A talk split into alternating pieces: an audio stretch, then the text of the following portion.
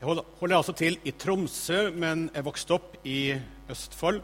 Men har bodd i Nord-Norge det meste av mitt voksne liv sammen med min familie.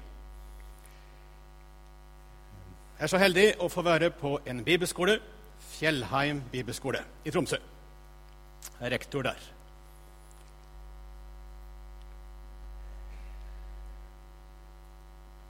Nå har eh, hun eh, søstera her lest eh, en del bibelvers som på en måte har leda oss inn på, på sporet. Du merka kanskje hvordan bibelversene de handla om, om dette med brud og brudgom. Om Gud som på en måte ektemannen og Israelsfolket som ei kvinne.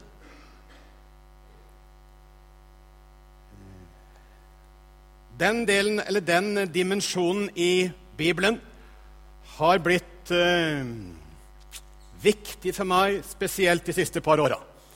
Det er noe som en har, har, lest en del om, hørt en del om, gravd i. Jeg syns det har vært så fint. Syns det har gitt en del nye ting inn i trua mi og eh, livet mitt. Og Jeg har lyst til å dele med dere gjennom fire bibeltimer.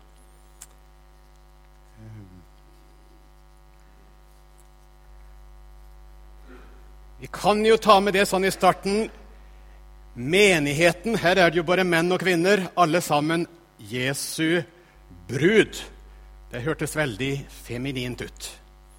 Men nå har alle dere vært vant til å bli kalt brødre i mange år, kanskje. Alle sammen. Både menn og kvinner kalles brødre. Det er jo litt sånn maskulint. Så nå får alle være brud. Går ikke det greit? Vi får dele litt på det. Eh. Og så har jeg lyst til å si det at eh, Er det så rett i 2011 å snakke om et sånt tema? Brud, brudgom eh, Noen av dere har kjempepositive assosiasjoner og erfaringer. Ja, bryllup og brud og brudgom det er det fineste jeg vet. Jeg gifta meg i sommer, liksom, og nå er det så flott, liksom. Alt er så fint rundt dette. Men så sitter en del andre med masse dårlige erfaringer. Ekteskap, mor og far. Det var ikke alltid så lett og så fint, dette med brud og brudgom. Jeg har masse ikke så fine tanker rundt det. Og så bruker liksom Bibelen dette, og så skal vi tenke da, ut fra sånn som vi har det. Da har jeg lyst til å si det i starten nå. Nei, det er ikke sånn vi skal tenke. Nå skal vi liksom først tenke på hvordan, hva vi assosierer uttrykka med, selv om vi gjør jo det umiddelbart. Og så skal liksom Gud fortelle noe som skal ligne på det som, sånn som vi har det. Nei, i Bibelen så er det helt motsatt. For Hvis det var sånn, så var ikke dette et godt tema nå. Og Da kunne vi heller ikke snakke om Gud som far nå. Nei, for det er så mange som kanskje ikke alltid har hatt det greit med far. Vi må tenke motsatt. Det er Gud som lager modellen. Gud forteller noe om et kjærlighetsforhold mellom den evige Gud og, og de menneskene han har skapt. Og Det kaller han for et ekteskapsforhold. Og så kan, så kan våre ekteskap og våre hjem se om vi kan lære noe av det. Og få hjelp av det. Det er den veien vi må tenke. Så om det da er mye sår hos oss, så får vi la det ligge.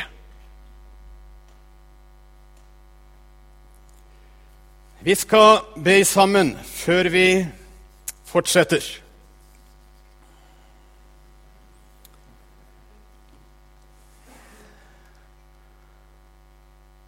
Kjære Jesus, takk for eh, at vi skal få lese fortsatt ditt ord.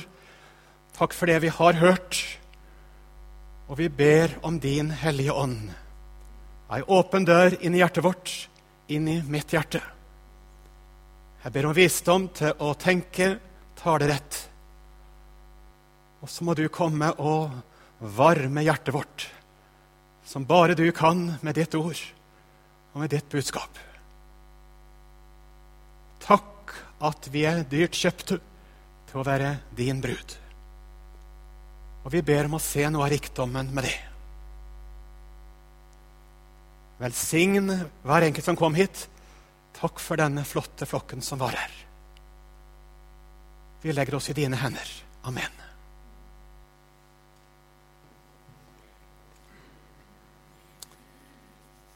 Vi skal starte i Det gamle testamentet. Eh, og Så skal vi vandre litt på kryss og tvers gjennom Bibelen. Dette er et stort tema som vi kunne vært mange samlinger om. Men hvis vi tenker bare høyt i sammen om du husker liksom noe imot slutten av Bibelen Imot slutten av Bibelen, eller når Bibelen beskriver avslutningen av vår historie Når Jesus skal komme tilbake Det står om det i lignelser, og det kommer i Johans åpenbaring. Hva er det som er overskriften? Se, brudgommen kommer. Se, brudgommen kommer.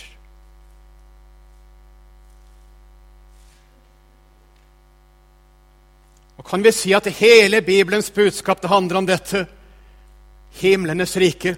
Det handler om en, en konge, en gud, som skal gjøre et bryllup for sin sønn. Som skal gjøre et bryllup for sin sønn. At hele Bibelen handler om det. Det er jo det som på en måte er det store temaet. Og hva kalles målet for en kristen? Vi skal høre om dette på søndag mer. Hva, hva kalles målet? Lammets bryllup kalles det, som et av de sentrale orda. Og det står om å, om å, om å ete bryllupsmåltid.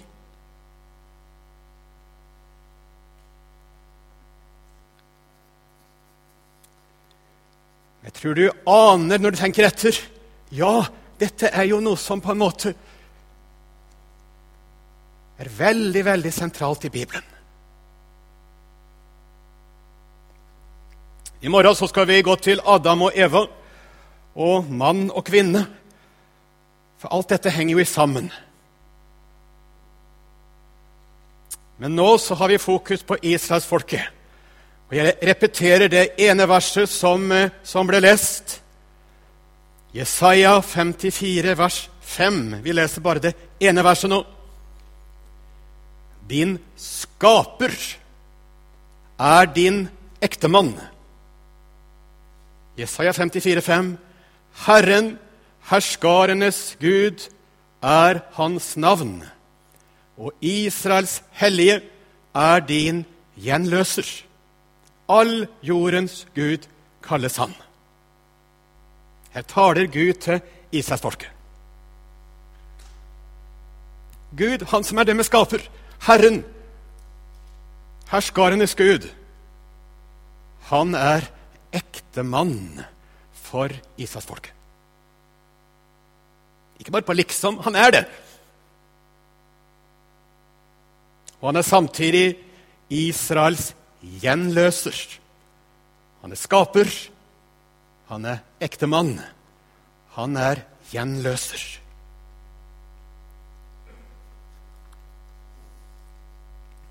Hvis du leser igjennom profetene, så vil du finne på at dette er et veldig gjennomgående tema hos profeten Jesaja, hos profeten Jeremia, hos profeten Esekiel og ikke minst hos profeten Hosea. Det er et gjennomgående tema hos mange av profetene.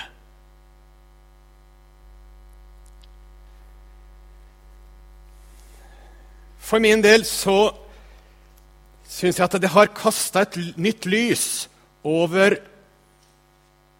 gudsbildet. Gudsbildet som jeg har, og som jeg ønsker skal være mest mulig i samsvar med, med Bibelen. Gud kaller Abraham osv. framover. Eh, de havner i Egypt, og det er jo der det store på en måte frelsesunderet skjer. Gud frelser de ifra Egypt, ut av vondskapen, ut av slaveriet. Fører dem til Sinai og skal lede dem gjennom ørken hjem til hjemlandet. Og vi vet jo dette, Alt dette det peker også inn i våre liv, den kristne forsamling sin vandring. Og så har da Gud eh, ført Israelsfolket ut, og så gir han de buda. Og så gir han Israelsfolket det første bud ved Sinai, og så står det sånn 'Jeg er Herren, din Gud, som førte deg ut av landet Egypt, av trellehuset.' 'Du skal ikke ha andre guder foruten meg.' Så leser jeg noen avsnitt videre. 'Du skal ikke tilbe dem og ikke tjene dem.' For jeg, Herren din Gud, er en nidkjær Gud som hjemsøker, og som viser miskunn i tusen ledd mot dem som elsker meg.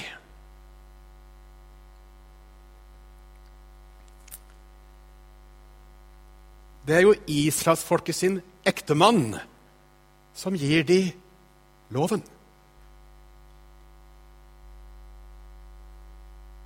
Det er skaperen. Og så sier han 'Jeg er din Gud som har ført deg ut av landet Egypt', av trellehuset. Det er jeg som har kjøpt deg. Det er jeg som har frelst deg.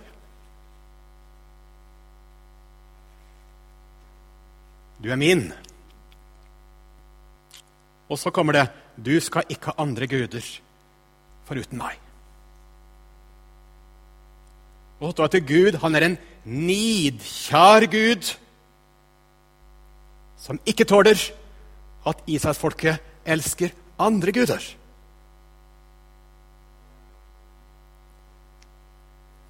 Og da kommer vreden, dommen.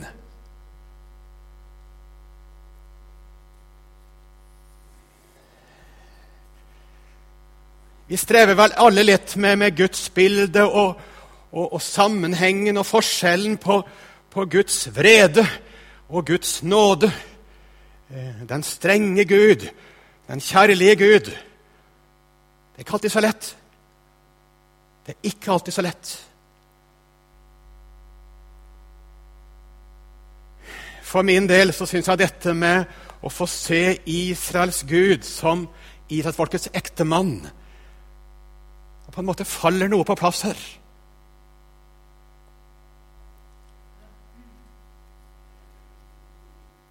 Han er en nidkjær Gud. På svensk så heter det nitelskende. Nitelskende. Og det er en sammenheng mellom nidkjærheten og, og vreden, dommen.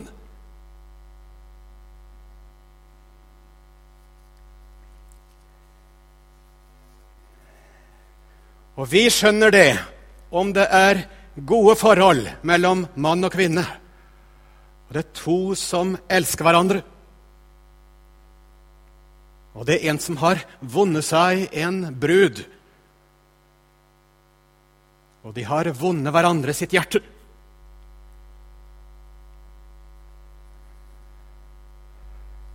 Og så sier mann til kona, 'Jeg vil at du skal elske bare meg.' Jeg vil at du skal elske bare meg. Syns du det var veldig urimelig? Syns du det var veldig Ja, det var voldsomt og streng han mannen min skal være nå. Jeg får ikke lov å ha andre kjærester når jeg skal gifte meg. Jeg må visst bare ha han. Og voldsomt og streng mann jeg har fått. Syns du det var en rimelig måte å reagere på? Nei, det må jo være sånn. Det må jo være sånn.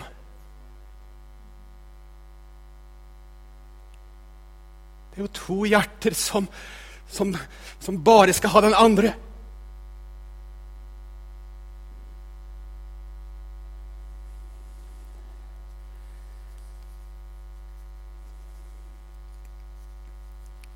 Jeg prøver å sammenligne med mitt eget liv, med mitt eget ekteskap.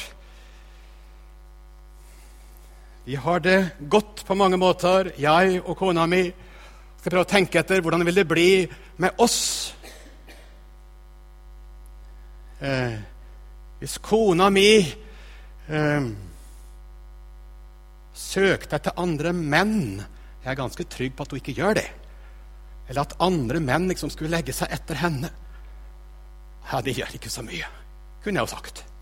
Jeg tar det ikke så nøye. Åh, hva slags kjærlighet er det? Hva slags kjærlighet er det? Kanskje den finnes, en del av denne, i 2011. Det gjør ikke noe om vi bytter litt.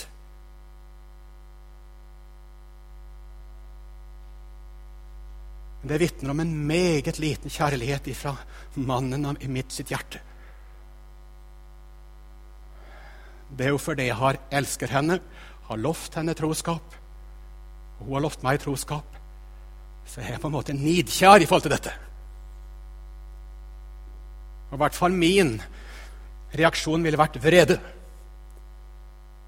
hvis dette hadde skjedd. Jeg syntes det var dumt at jeg ble vred. Det er klart det var dumt hvis jeg kom til å slå ned den andre eller drepe et menneske. Det hadde ikke vært så bra. Men at denne vreden kommer, det henger jo så sammen med kjærligheten. Hun er min. Hun tilhører meg.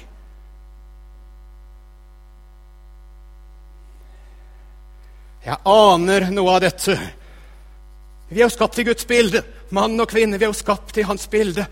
Så reaksjonen min, det sunne reaksjonen min, den gjenspeiler jo Den er på en måte en liten Litt av det som Gud har. Fullkomment. Ja, men du snakker om deg. Ja, men kona, da? Ja, nå er vi litt forskjellige, mann og kone. og det, Jeg vet ikke om vi er helt typiske for alle, men jeg vet hvordan kona mi ville reagert da. Hvis jeg hadde vært utro. Hvis en annen kvinne på en måte hadde søkt veldig etter meg og det hadde på en måte blitt, blitt, blitt svart tilbake. Da hadde kona mi begynt, å gråte. Det hadde vært masse sorg, masse smerte. Hun hadde ikke akkurat fått den vredesreaksjonen. Hun hadde bare blitt fortvila, tror jeg. Bare grått. Det finner vi også i Guds hjerte. Det har vi lest om. Hvordan Gud gråter. Hvordan Jesus gråter. Og med mennesker som går bort fra Han, og som ikke elsker Han, som ikke tror på Han. Vi møter både vreden og gråten i Guds hjerte. Hvis han skulle miste den han har skapt, den han har kjøpt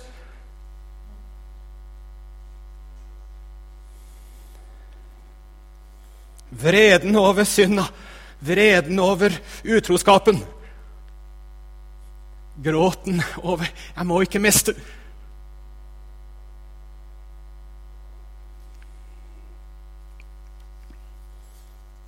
Jeg tror du aner sammenhengen.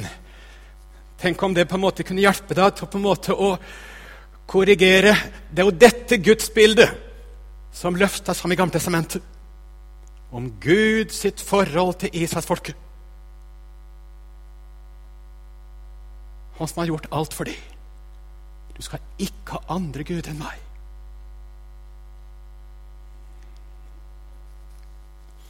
Så tar Gud dette israelsfolket og leder de gjennom ørkenen. Og så står det i Jeremia kapittel 2, vers 2. Det har vi ikke hørt lest ennå. Jeremia kapittel 2, vers 2. Gå av sted og rop ut for Jerusalems ører og si:" Så sier Herren, jeg kommer i hu din ungdoms hengivenhet, dine trolovelsesdagers kjærlighet, hvordan du fulgte meg i ørkenen, i et land hvor ingen sår.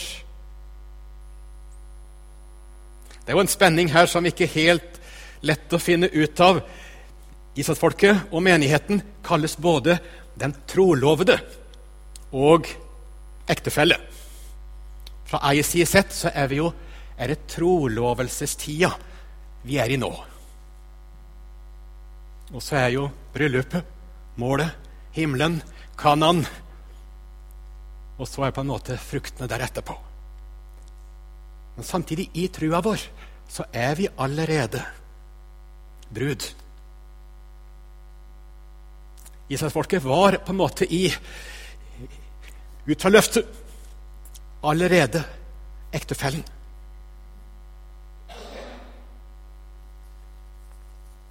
Men det er på en måte det fulle samlivet på en måte starta da på en måte i, i Kanaan. Da var den kommet, kommet på en måte i, i mål der.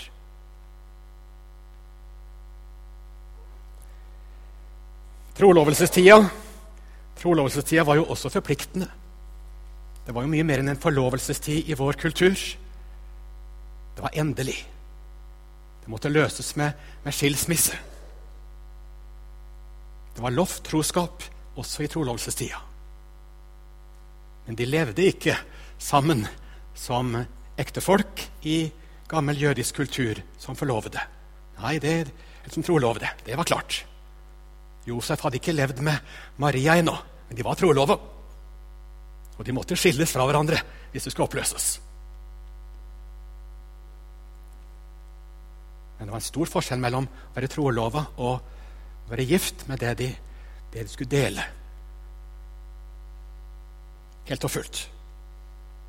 Samtidig så er altså Israelsfolket eh, trolova med Gud gjennom ørken. Og så leder Gud inn i Kanans land. Og det er jo på en salig måte Det er jo veldig mye sorg og smerte i trolovelsestida her, i ørken. Men aller sterkest så kommer det da når Israelsfolket har fått landet sitt, eh, kommet inn i Kanan. Eh, det er gode tider, og det er dårlige tider. Det var den gode tida med kong David og kong Salomo. Og så kommer det voldsomme frafallstider. Og så kommer eh, profetene og forkynner. Hva var det vi leste nå fra Jeremia? Det var jo en sen fase i Israelsfolket sitt liv. Eh, når de synda mot det første bud Hvis de ikke elska Gud, hvis de ikke hørte på Gud, hvis de ikke fulgte Ham Hva kaltes det? Det kaltes utroskap. Det kaltes hor. Det går igjennom det går igjen i Det gamle testamentet. De driver hor. De er utro. De søker fremmede guder. De elsker ikke Gud. Sånn tenker Bibelen. Når du elsker andre ting høyere enn Gud i himmelen, enn Jesus Kristus, så driver du hor i forhold til Gud. Sånn beskriver Bibelen det. Er det så alvorlig? Ja, sånn må det være i et, på en måte et, en, en sånn relasjon. Det må være sånn. Gud, Gud kan ikke tåle at Israelsfolket har andre guder samtidig. Om det var konkrete ting av, guder de laga seg, om det var materielle ting, rikdommen de hadde fått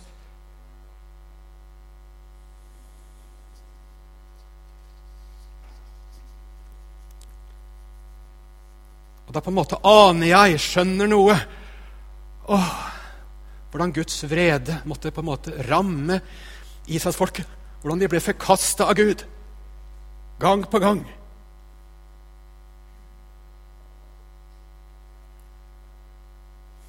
For Herren kaller deg som en forlatt kvinne med sorg i hjertet. En ungdomshustru skulle hun forkaste, sier din Gud. Et lite øyeblikk forlot jeg deg, men med stor barmhjertighet vil jeg samle deg. Da min vrede strømmet over, skjulte jeg mitt åsyn for deg et øyeblikk.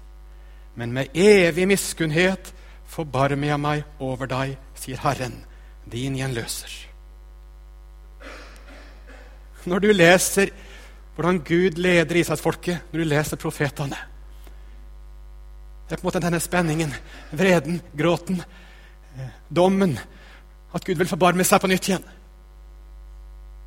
For Gud har jo begge dette i sitt hjerte, og det må jo være sånn.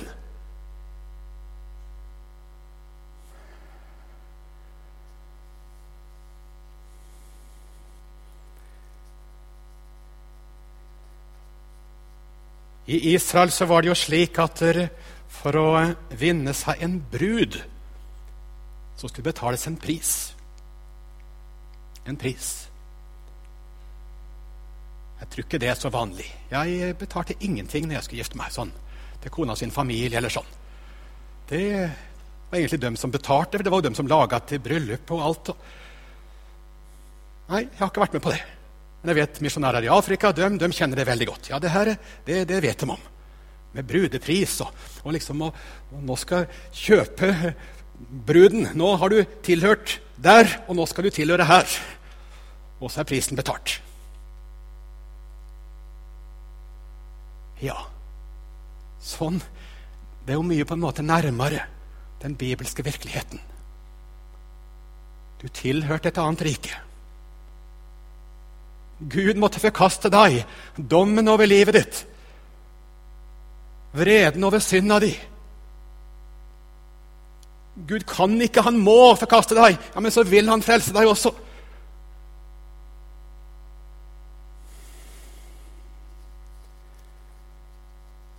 Og så må det betales en pris for å redde deg tilbake. For å kjøpe deg til sin brud.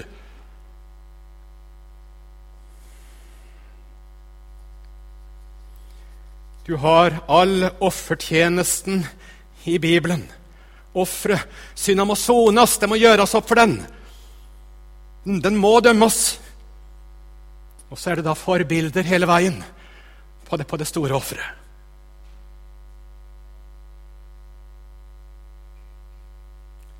Og så kan vi på en måte se framover imot Jesu død på korset for oss. Der møter vi vreden og der møter vi kjærligheten. Og det må være sånn. Guds vredeskål du tømte ut. Så dyrekjøpt er jeg din brud. Du gikk for meg en blodig sti, og jeg som skyldig var, slapp fri. Det må være sånn ut fra det som det gudsbildet vi møter i Gammeltestamentet. Hvordan Gud taler om om seg sjøl, om forholdet til folket sitt.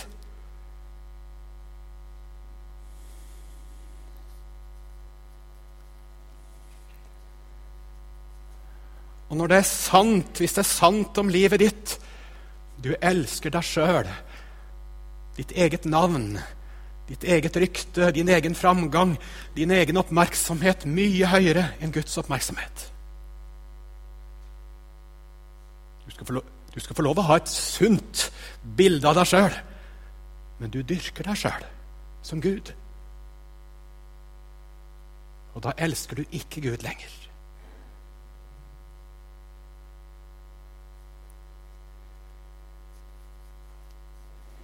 Lystene dine på ulike områder det er dem du elsker. Det er de du må, på en måte. Du må få gjøre det du har lyst til. Ja vel, det er din Gud. Da er Guds vrede, Guds dom over deg. Han kan ikke tåle det. Pengene mine, eiendelene mine, det jeg samler, det jeg vil ha, det er Guden min. Det, det, det betyr faktisk mer å miste det blir helt fortvila når jeg mister på en måte noe som er viktig for meg, og det er jo greit. Tenk om du mister Jesus, da? Tenk om du mister Gud? Er det alvorligere? Er det, er det på en måte Betyr det mer? Hvem er det du elsker egentlig?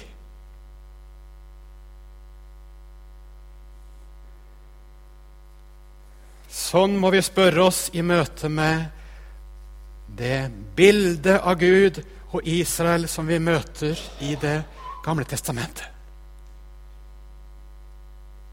Og så demonstrerer Israelsfolket gang på gang utroskap. Utroskap. De driver hor, faller i hor. Og så må Gud vekke de opp, og så må de omvende seg. Bekjenne det, erkjenne det. Og så leser vi om den Gud som forbarmer seg over dem. Han, synes det er så, han vil ikke miste dem. Han gråter over dem. Vend tilbake, du frafalne, leste vi, hørte vi nå. Vend tilbake, du frafalne.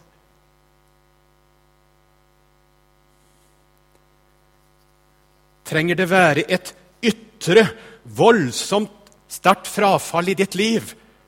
Nei. Du har kommet bort ifra kjærlighetsforholdet til Gud, til Jesus. Det betyr ikke noe lenger for hjertet ditt. Det er andre ting som betyr mer. Vend om.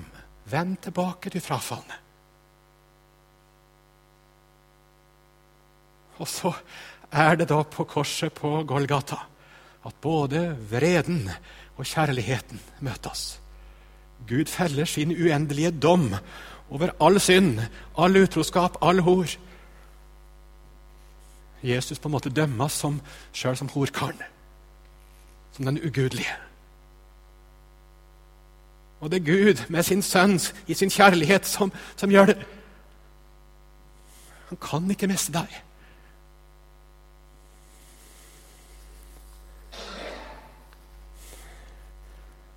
Og det er da det står disse mektige orda fra f.eks. fra Jesaja 62. Du skal ikke mer kalles den forlatte, og ditt, ditt land skal ikke mer kalles en ødemark. Men du skal kalles min lyst. Ditt land skal kalles ekte hustru, for Herren har sin lyst til deg. Ditt land skal bli tatt ekte, og som en brudgom gleder seg over, de, over sin brud skal din brud glede seg over deg. Gud gleder seg slettes ikke over det frafalne Israelsfolket. Han gleder seg ikke over dømme synder. Nei, vreden vekkes, nidkjærheten. Men han får kalle de tilbake Han har betalt prisen for de. Og så får de, får de på en måte få være på nytt igjen. De er hans brud. Jeg har min lyst til deg. Jeg får lov å glede seg over min brud, som jeg har vunnet tilbake.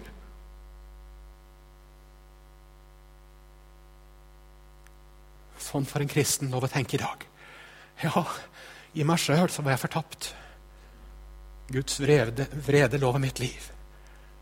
Men så har Gud kjøpt meg tilbake til seg. Han har min lyst til meg nå. Hans elskede brud. Vonde, kjøpt, elska. Ja, men vet han ikke hva som bor på innersida her? Jo da, han vet det. Men det har han betalt for. Vet han ikke om alle falla mine? Jo da. Men han har kjøpt deg til sin ekte hustru.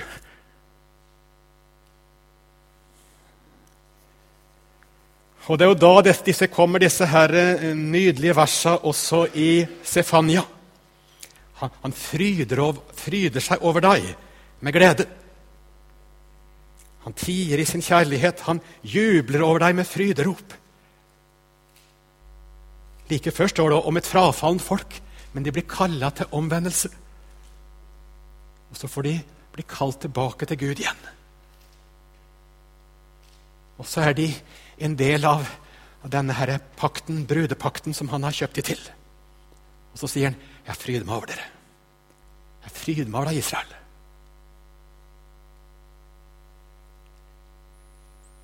Ja, men er de så fine, Israelsfolket, egentlig?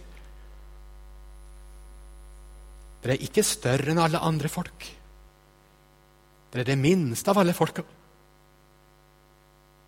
Men jeg elsker dere. Jeg vil holde mine løfter, den pakt, den ed jeg har gjort med dere. Jeg kan ikke miste dere.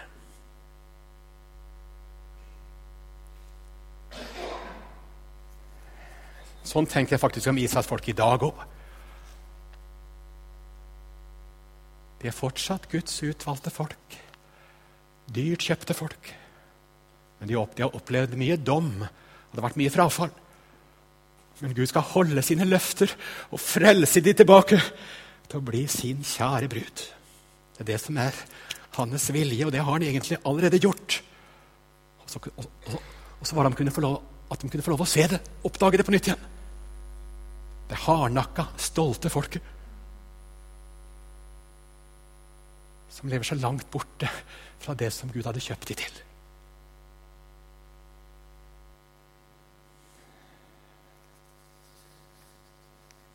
Jeg syns det aller sterkeste, som jeg vil nevne til slutt, det er når eh, vi, det vi finner i, eh, i profeten eh, Hosea. Hvordan Gud elsker Israelsfolket. Ja, men de faller jo bare fra igjen. De faller jo bare fra igjen. Og sånn kan jeg si, si om deg òg, men, ja, men det går jo bare dårlig igjen. Jeg mislykkes igjen. Jeg faller også i den samme synda om igjen. Ah, jeg kan ikke være Jesu brud lenger. Jo da, du kan det. Men han kaller deg inn til seg på nytt og på nytt.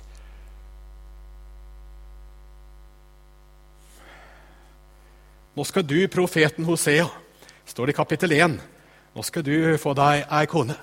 Det skal være ei horkvinne. Prostituert, kanskje. Ja, så skal du få barn med henne. Horebarn. Det er liksom så, det er liksom så Gud bretter ut liksom så på en måte perverst, eh, rett fram, tøffe ting. Gift deg med dere. Så får dere unger. Og så vil du oppdage etter hvert at hun, kona di hun finner andre menn. Det ligger så dypt i. Hun finner andre menn, sikkert hun. Og det skjer. Er det greit?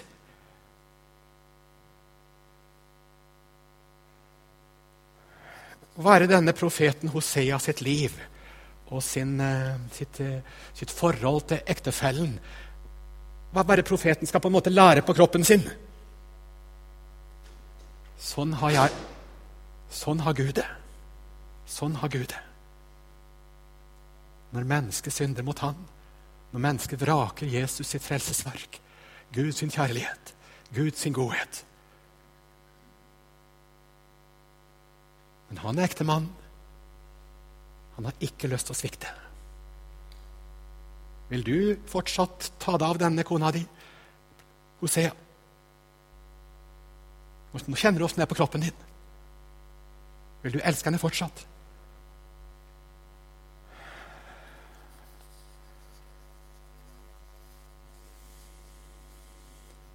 Og så kunne vi lest profeten Hosea hvordan han på en måte vil trolove seg med henne på nytt igjen. Ja, men hun går jo bort fra meg. Ja, men jeg vil, jeg vil ha henne tilbake igjen. Vil, hun skal være min. Kapittel 11, vers 8 og 9. Hvordan skal jeg kunne oppgi deg, Efraim? Det er Gud som taler om dette, om dette Israelsfolket. Hvordan skal jeg gi deg til pris, Israel?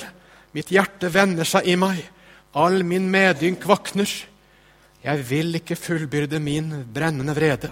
Jeg vil ikke igjen ødelegge Efraim, for jeg er Gud og ikke et menneske, den hellige midt iblant deg. Jeg kommer ikke med glødende harme.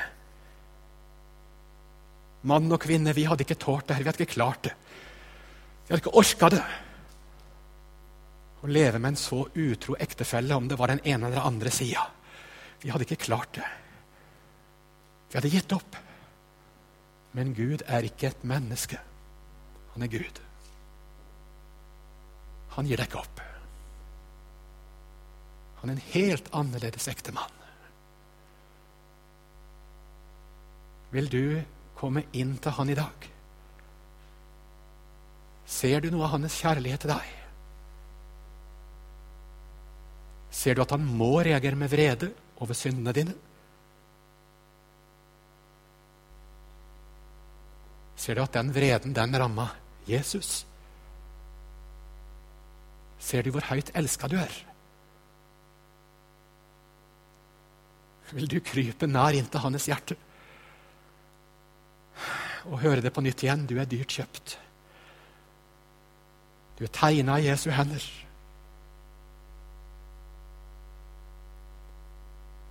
Vil du si til han det at Takk at du elsker meg, Gud. Kjære Jesus, takk at du kjøpte meg. Jeg har lyst til å elske deg tilbake. Du skal ha hjertet mitt, du skal ha livet mitt. Du skal eie meg helt og fullt. Vil du si det? Ja, men han vet jo det at jeg kommer til å svikte igjen. Ja, det vet han.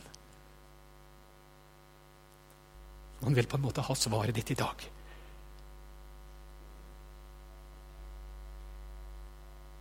Kjære Jesus.